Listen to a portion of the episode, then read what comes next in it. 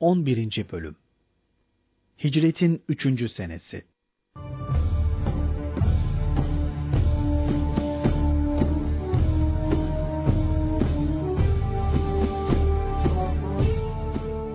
Şair Kab bin Eşref'in katli Kab bin Eşref, muhteris bir Yahudi, meşhur bir şairdi. Bilhassa muhteşem Bedir muzafferiyetinden sonra kıskançlık ve düşmanlığında peygamberimiz ve Müslümanları hicveder dururdu. Mekke'ye giderek de müşrikleri Müslümanlara karşı tahrikte bulunur, Bedir'de öldürülen müşrikler için mersiyeler düzerek onların intikam ve düşmanlık hislerini kabartmaya çalışırdı. Medine'de ise Müslümanların kız ve hanımlarına dil uzatacak kadar küstahlık gösterdi. Şiir ve hitabetin Arap hayatında büyük rol oynadığından daha evvel bahsetmiştik. O günün şiir ve hitabeti bugünün matbuatı seviyesinde tesir icra ediyordu. Dolayısıyla bu Yahudi şairin İslam düşmanlığı yalnız kendisine ait kalmıyor, etrafa da sirayet ediyordu. Bu bakımdan Resul Ekrem bu menhus adamın şiirleri üzerinde fazlasıyla duruyor, önüne geçmek için çareler arıyordu. Hab'ın yalnız şiirleriyle İslam düşmanlığı yapmakla iktifa etmediğini, hatta peygamberimizin vücudunu ortadan kaldırmak için menfur bir planla suikast tertiplediğini bile kaynaklardan öğreniyoruz. Böyle bir adamın vücudu İslamiyet için mahza zararlıydı. Bu bakımdan yok edilmesi gerekiyordu. Bu işi Resul Ekrem'in müsaadesiyle ashabtan Muhammed bin Mesleme iki üç arkadaşıyla üzerine aldı. Bir gece vakti evine giderek onu öldürdüler. Kaab bin Eşref gibi şöhret sahibi birinin öldürülmesi Yahudiler arasında büyük bir panik meydana getirdi. Kabilesinden bazıları Hazreti Resulullah'ın huzuruna çıkarak Kaab'ın masum olduğunu, öldürülmeyi hak etmediğini şikayet suretinde arz edince aldıkları cevap şu oldu.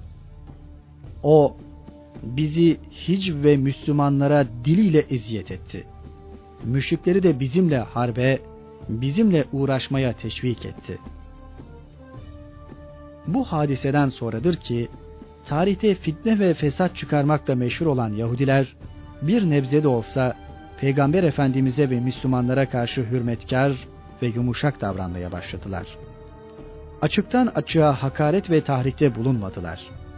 Ama adeta kanlarına karışmış bozgunculuk mesleklerinden gizli veya aşikar hiçbir zamanda vazgeçmediler.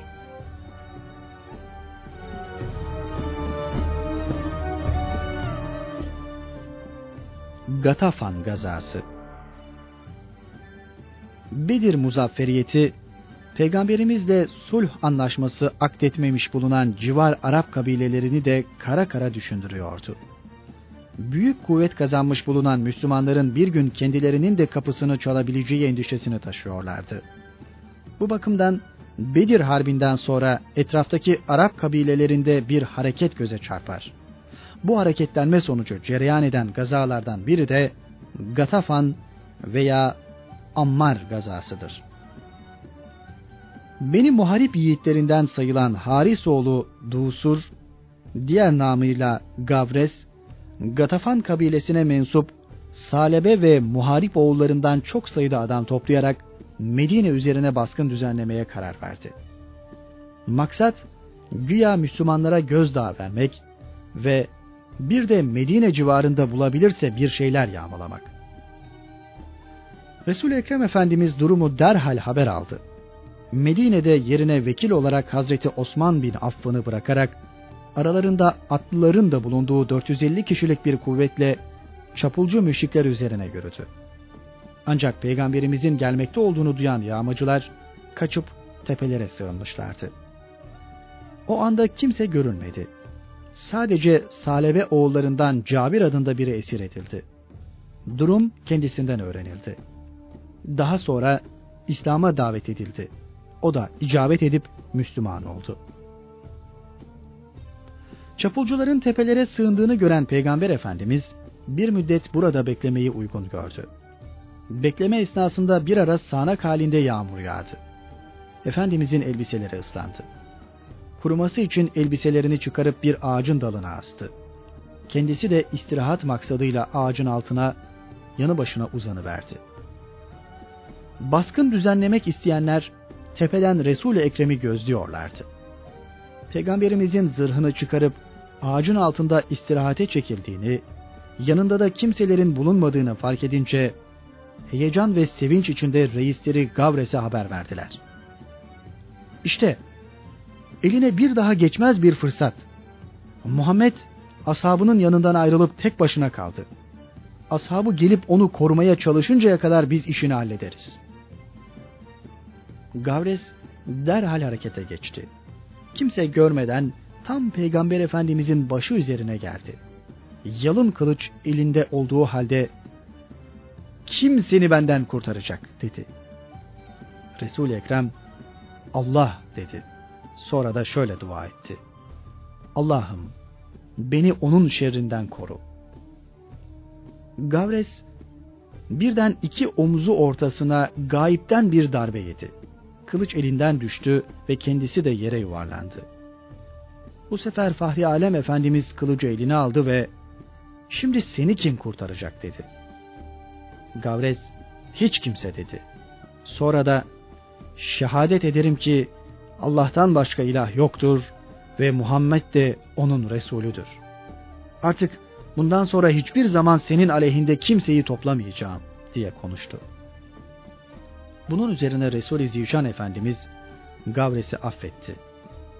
Gavres giderken bir ara Resul-i Ekrem Efendimiz'e döndü ve vallahi sen benden hayırlısın dedi. Peygamber Efendimiz elbette ben buna senden daha layıkım buyurdu. Cesur ve pek cüretkar olan Gavres kavmine dönünce hayretler içinde ne oldu sana neden bir şey yapmadın diye sordular. Gavres onlara başından geçenleri anlattıktan sonra ilave etti. Vallahi ben şimdi insanların en iyisinin, en hayırlısının yanından geliyorum. Bir ay kadar süren seferden sonra Resul-i Kibriya Efendimiz Medine'ye geri döndü.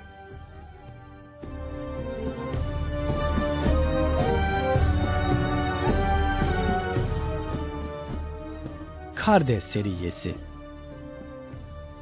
Peygamber Efendimizin etrafa hakim olması üzerine müşrikler ticaret yollarını değiştirmek mecburiyetinde kalmışlardı.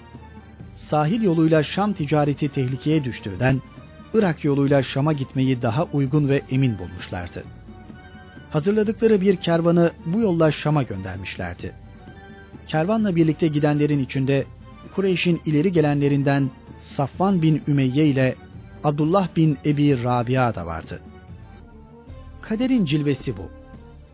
Tam o sırada müşriklerden biri Medine'ye geldi ve Yahudinin birinin evinde misafir kaldı. Kim bilir onunla Müslümanlar aleyhinde hangi planı kurmak veya müşriklerin aldıkları hangi kararı veya tertipledikleri hangi planı iletmek için gelmişti. İçtiler, konuştular, eğlendiler.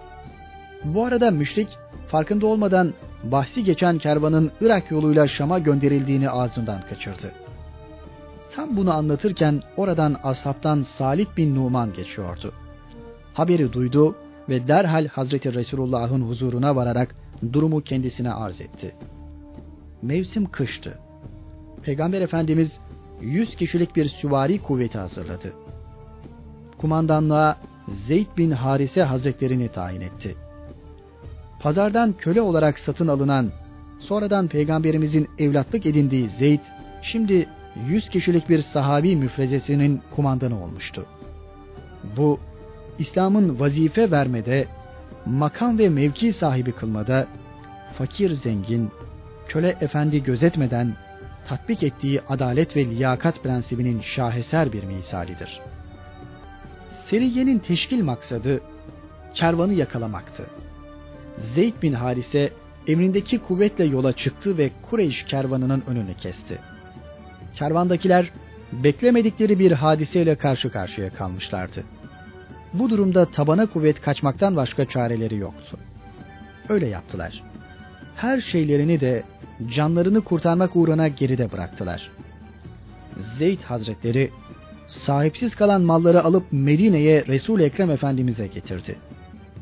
Beşte biri Beytül Mal'e ayrıldıktan sonra geri kalan beşte dördü Seriye'ye katılan mücahitler arasında bölüştürüldü.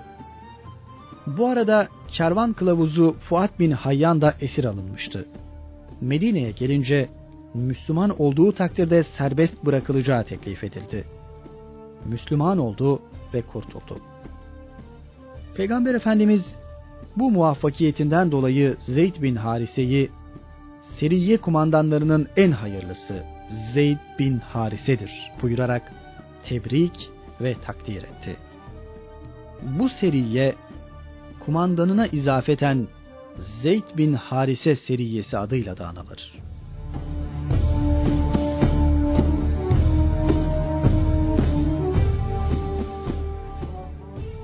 Peygamberimizin Hazreti Hafsa ile evlenmesi.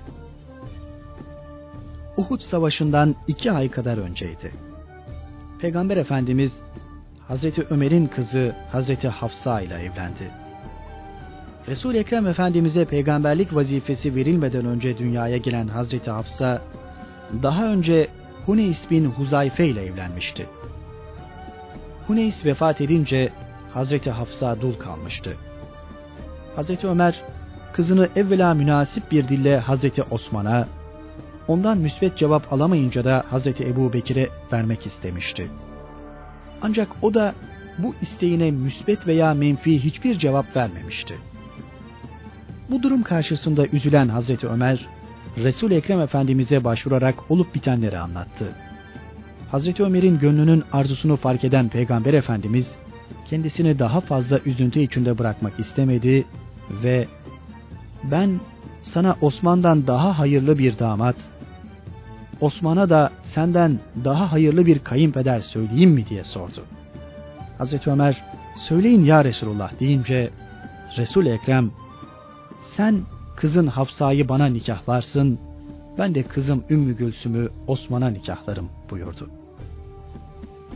Hazreti Ömer'i bu teklif fazlasıyla sevindirdi ve derhal kabul etti. Böylece Peygamber Efendimiz Hazreti Hafsa'yı ezvacı tahirat arasına alırken kızı Hazreti Ümmü Gülsüm'ü de Hazreti Osman'a nikahladı. Hazreti Osman daha önce de peygamberimizin vefat eden kızı Hazreti Rukiye ile evliydi. Hazreti Ümmü Gülsüm'le evlenince kendisine Zinnureyn yani iki nur sahibi lakabı verildi.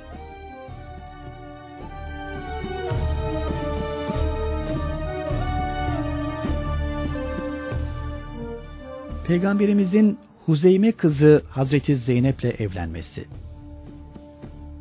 Huzeyme kızı Hazreti Zeynep'in kocası Ubeyde bin Haris, Bedir muharebesinde yaralanmış ve bu yaranın neticesi olarak Safra denilen mevkide vefat etmişti. Bu sebeple Hazreti Zeynep dul kalmıştı.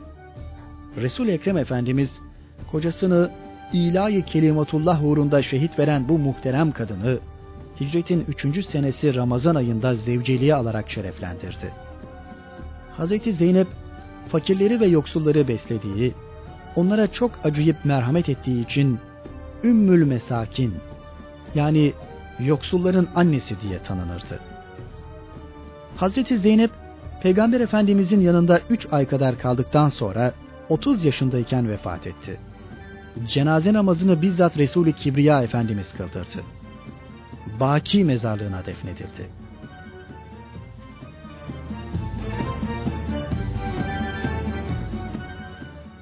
Hazreti Hasan'ın dünyaya gelişi Hicretin 3. yılında Resul Ekrem Efendimiz'i sevindiren bir hadise daha vuku buldu. Torunu Hazreti Hasan dünyaya geldi. Hazreti Hasan peygamberimize torunları arasında en çok benzeyeniydi. Bu sebeple Annesi Hazreti Fatıma onu severken Resulullah'a benzeyen yavrum derdi. Nebi-i Muhterem Efendimiz torunları Hazreti Hasan'la Hüseyin'i son derece severdi. Onları zaman zaman omuzlarına alıp taşır ve onlar benim dünyada öpüp kokladığım iki reyhanımdır derdi. Yine Hazreti Hasan'ı zaman zaman omzuna alıp gezdirir ve Allah'ım ben onu seviyorum, sen de sev. onu seveni de sev derdi. Uhud Muharebesi Kureyş müşrikleri Bedir'de uğradıkları hezimetin acısını bir türlü unutmak istemiyorlardı. Daha doğrusu unutamıyorlardı. İleri gelenlerinden birçoğunu bu savaşta kaybetmişlerdi. Bir avuç Müslümandan yedikleri ağır darbeyle izzeti nefisleri kırılmıştı. Civar kabileler nezdindeki prestijleri de hayli sarsılmıştı. Ayrıca sahilden giden Şam ticaret yollarının Resul Ekrem tarafından devamlı kontrol altında tutulması da ticari hayatlarına oldukça ağır darbe vuruyor, onların askeri ve iktisadi mukavemetlerini kırıyordu. Kureyş müşrikleri bu sefer Irak yoluyla Şam'a ticaret kervanlarını göndermeye başlamışlardı. Ama burası da Peygamberimiz tarafından kısa zamanda haber alınmış, gönderdiği seriye ile bu yoldan giden ticaret kervanları kıstırılarak mallarına el konulmuştu. Haliyle bu durumlar zaten Bedir hezimetinin acısıyla yanıp tutuşan Kureyş müşriklerinin Müslümanlara karşı kin ve husumetlerini artırıyor, intikam alma duygularını harekete geçiriyordu. İlk fırsatta bu intikam hislerini tatmin için adeta can atıyorlardı. Bedir'den sonra giriştikleri bir iki küçük baskın hareketi, onların bu kinlerini dindirme yerine bozguna uğrayan kendileri olduğu için daha da kabartmıştı. Daha önce Ebu Süfyan idaresinde Şam'a gönderilmiş olan büyük ticaret kervanı, Resul Ekrem'in kumandasındaki Müslüman kuvvetlerinin eline düşmekten kıl payı kurtulup Mekke'ye zor gelebilmişti. Hemen arkasından Bedir Harbi'nin patlak vermesi, kervandaki malların taksimini geciktirmiş, mallar olduğu gibi Darün Nedve'de muhafaza edilmekteydi. Bu sırada bilhassa Bedir Savaşı'nda yakınlarını kaybetmiş olanlar ve bunların da içinden Cübeyr bin Mut'im, Safan bin Ümeyye, İkrime bin Ebu Cehil gibi Kureyş'in ileri gelenleri sayılabilecek kimseler Ebu Süfyan'a şu teklifte bulundular. Muhammed büyüklerimizi öldürerek bizi perişan etti. Onlardan intikam alma zamanı artık gelmiştir. Kervandaki malların sermayesini sahiplerine verelim. Karlarıyla da Müslümanlara karşı harp hazırlığı yapalım.'' Teklif oy birliğiyle kabul edildi. Mallar satılarak altına dönüştürüldü. Toplam 100 bin altın. Hisse sahiplerine sermayelere olan 50 bin altın verildi, karlarıyla da süratle harp hazırlığına başlandı.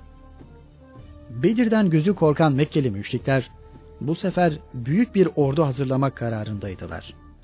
Sadece mahalli gönüllü askerler hatta devamlı müttefikleri bulunan Ahabiş kabilesi askerleriyle de iktifa etmiyorlardı.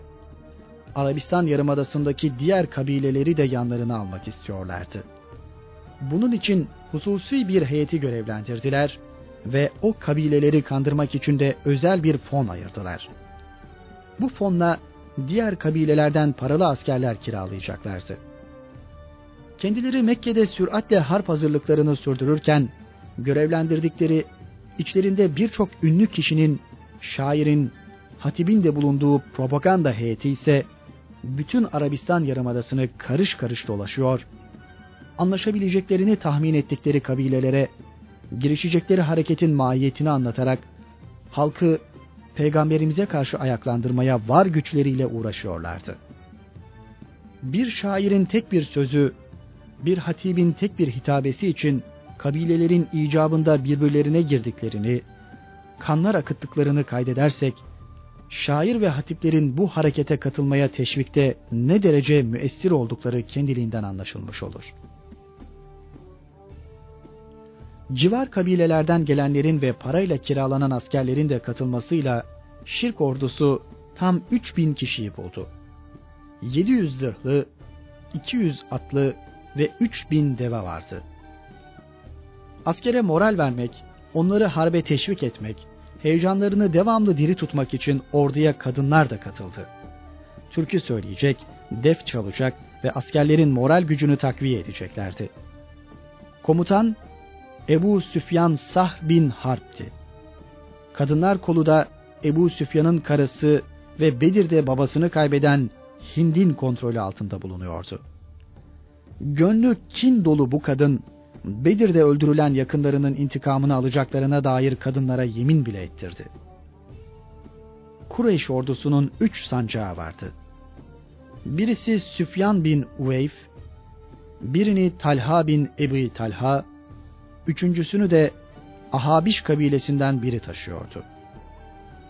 Kureyş hazırlıklarını böylece tamamlamış ve 20 gün sürecek uzun bir sefere Mekke'den hareketle çıkmış bulunuyordu. Medine'ye Peygamber Efendimiz'e bir haber geldi. Haberi getirmek üzere görevlendirilen adam mektubu Resul-i Ekrem'e heyecan ve telaş içinde uzattı. Açılan mektupta Kureyş müşriklerinin hazırlıklarını tamamladıkları ve Medine üzerine yürümek için yola çıktıkları yazılıydı. Mektubun altındaki imza Peygamberimizin amcası Hazreti Abbas'a aitti. Resul-i Ekrem'in emriyle hem oradaki Müslümanlara yardımcı olmak hem de olup bitenlerden kendilerini haberdar etmek maksadıyla Mekke'de oturmaya devam ediyordu. Hatta bir ara Medine'ye gelmek arzusunu ishar edince Resul-i Ekrem sen bulunduğun yerde daha güzel cihad etmektesin. Senin Mekke'de oturman daha hayırlıdır buyurmuştu. Peygamber Efendimiz ilk anda mektubun muhteviyatını gizli tuttu ve birkaç kişiden başkasına bildirmedi. Fakat kötü haber çabuk yayılır hesabı, Kureyş'in Medine üzerine yürüdüğü haberi çarçabuk etrafa yayıldı. resul Ekrem Efendimiz önce Kureyş ordusunun durumunu gözetleyip tahkik etmek maksadıyla birkaç sahabiyi Mekke'ye doğru gönderdi. Mücahitler yolda Kureyş ordusunu gördüler ve durumunu öğrendikten sonra Medine'ye gelip durumu Peygamber Efendimiz'e haber verdiler. Mücahitlerin getirdiği haber Hazreti Abbas'ın mektupta yazdıklarına aynen uyuyordu. Mekke'den ayrılıp süratle yol alan Kureyş ordusu Şevval ayının başlarında bir çarşamba günü gelip Uhud Dağı'nın yakınında bulunan Ayneyn tepesi yanında karargahını kurdu. Bu sırada Resulullah gördüğü bir rüyayı ashabına anlattı. Ben kendimi sağlam bir zırh içinde gördüm. Kılıcım Zülfikar'ın ağzındaysa bir gediğin açıldığını gördüm. Boğazlanmış bir sığır, arkasından da birkaç koç gördüm. Ashab-ı kiram bunu ne şekilde tabir ediyorsun ya Resulullah diye sordular. Hazreti Resulullah'ın cevabı şu oldu. Sağlam zırh giymek Medine'ye, Medine'de kalmaya işarettir. Kılıcımın ağzında bir gediğin açılmasını görmüş olmam, bir zarara uğramayacağıma işarettir. Boğazlanmış sığır, ashabımdan bir kısmının şehit edileceğine işarettir. Onun arkasından bir koçun getirilmesine gelince, o askeri bir birliğe işarettir ki, İnşallah Allah onları öldürecektir. Bir başka rivayete göre Peygamber Efendimiz rüyasını rüyamda kılıcı yere çarptım. Ağzı kırıldı. Bu Uhud günü müminlerden bazılarının şehit düşeceklerine işarettir. Kılıcı tekrar yere çarptım. Eski düzgün haline döndü. Bu da Allah'tan bir fetih geleceğine, müminlerin toplanacağına işarettir şeklinde anlatıp yorumlamıştır. Peygamber Efendimizin bir cuma gecesi gördüğü bu rüya, ashabla harp hususunda yapacakları istişareye de tesir edecektir. resul Ekrem Efendimiz, Ensar ve Muhacirunun ileri gelenlerini bir araya topladı ve kendileriyle bu hususta istişarede bulundu. Peygamberimizin kanaati, gördüğü rüyanın da ilhamıyla Medine'yi bizzat içeriden müdafaa etmekti. Buna rağmen Müslümanların da görüşlerine başvurup onların da kanaatlerini öğrenmek istiyordu. Ashabın ileri gelenlerinin birçoğu da Peygamber Efendimizin bu kanaatine iştirak etti. O ana kadar hiçbir toplantıya çağrılmayan münafıkların reisi Abdullah bin Übey de bu istişareye çağrılmıştı. O da Medine'de kalma fikrindeydi. Ancak Bedir gazasında bulunmayan kahraman ve genç sahabiler Bedir'de bulunan gazilerin nail olduğu ecri ve sevabı, Bedir şehitlerinin ulaştığı yüksek dereceleri Resul Ekrem Efendimiz'den işitmekle o harpte bulunamadıklarından dolayı son derece üzülmüşlerdi. Bu sebeple düşmanı Medine dışında karşılama arzusunu taşıyor ve bu arzularında şiddetle ısrar ederek şöyle diyorlardı. Ya Resulullah, vallahi onların cahiliye devrinde bile Medine'ye üzerimize yürümelerine meydan ve imkan verilmemiştir. İslam devrinde onların Medine'ye üzerimize yürümelerine nasıl müsaade buyrulur? Ya Resulullah, biz Allah'tan bugünü isterdik. Bizleri dışarı çıkar. Düşmanlarımızla göğüs göğüse cenk edelim. Bir kısmı ise şöyle diyordu. Ya Resulullah, eğer onları dışarıda karşılamazsak, düşman bu durumu korkaklığımıza ve zaafımıza hamlederek şımarır. Bu arzuyu taşıyanlara cesur ve bahadır bir zat olan Hazreti Hamza, Sa'd bin Übade, Numan bin Malik gibi hatırı sayılır ashabın ileri gelenleri de katıldı. Kahraman Hazreti Hamza, Ya Resulullah, sana kitabı indiren Allah'a yemin ederim ki, bu kılıcımla Medine dışında Kureyş müşrikleriyle çarpışmadıkça yemek yemeyeceğim diyerek çıkıp düşman üzerine hücum etme arzusu ve görüşünü ishar etti. Hazreti Hayseme Bedir muharebesine katılmak için oğlu Sad ile kura çekmişti. Kur'a Hazreti Sa'da çıkmıştı. Bedir harbine katılan Sa'd ise arzuladığı şehadet mertebesine ulaşmıştı. İşte şehit babası Hazreti Hayseme de şöyle konuşuyordu. Ya Resulullah, Kureyşliler çöl Araplarından ve müttefikleri olan Ahabiş'ten asker topladılar. Develerine ve atlarına binip gelerek meydanlarımıza indiler. Bizi evlerimizde ve kalelerimizde kuşatacaklar. Sonra da dönüp gideceklerdir. Aleyhimizde bir sürü söz söyleyeceklerdir. Bu onların cesaretlerini artıracaktır. Görüp de karşılaşmazsak ve yurdumuzun ortasından onları kovmayacak olursak, çevremizdeki Araplar da bize göz dikeceklerdir. Allahu Teala'nın bizi Kureyş müşriklerine karşı galip getireceği ümit edilir. Eğer ikincisi olursa ki şehitliktir, Bedir beni ondan mahrum kıldı. Halbuki ben onu öylesine özlemiştim ki, benim Bedir muharebesine çıkmayı arzuladığımı duyan oğlum benimle Kur'a çekmişti. Kur'a ona çıktı.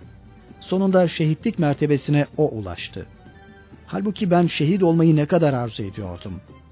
Dün gece oğlumu güzel bir surette gördüm. Cennet meyveleri ve ırmakları arasında dolaşıyor ve bana cennette arkadaşlığa katıl. Ben Rabbimin bana vaat ettiği gerçeği buldum diyordu. Vallahi ya Resulullah sabah gözlerimi açınca oğluma cennette arkadaş olmayı candan özlemeye başladım. Yaşım fazlasıyla ilerledi. Artık Rabbime kavuşmayı özlemekteyim. Ya Resulullah, beni şehitlikle, cennette oğlum Sad'ın arkadaşlığıyla nasiplendirmesi için Allah'a dua et. Resulü Kibriya Efendimiz Hazreti Hayseme'nin bu arzusunu yerine getirdi, kendisi için dua etti. Ebu Said el-Hudri'nin babası Malik bin Sinan ise Ya Resulullah iki şeyden biri bizimdir. Ya Allah bizi onlara galip ve muzaffer kılar ki istediğimiz budur ya da Allah bize şehitlik nasip eder. Vallahi ya Resulullah bence bu ikisinden hangisi olursa olsun onda hayır vardır dedi. Yine kahraman bir sahabi olan Numan bin Malik ise Ya Resulullah ben şehadet ederim ki rüyada boğazladığını gördüğün sığırın temsil ettiği asabından birisi de benim. Bizi cennetten mahrum etme. Kendisinden başka ilah bulunmayan Allah'a yemin ederim ki ben cennete girsem gerektir diye konuştu. Resul-i Kibriya Efendimiz ne ile diye sordu. Hazreti Numan çünkü ben Allah'tan başka ilah bulunmadığına, senin de Allah'ın Resulü olduğuna şehadet eder. Allah'ı ve Resulünü severim. Düşmanla karşılaştığım günde yüz çevirip kaçmam. Peygamber Efendimiz doğrusun ve gerçeği söyledin buyurdu.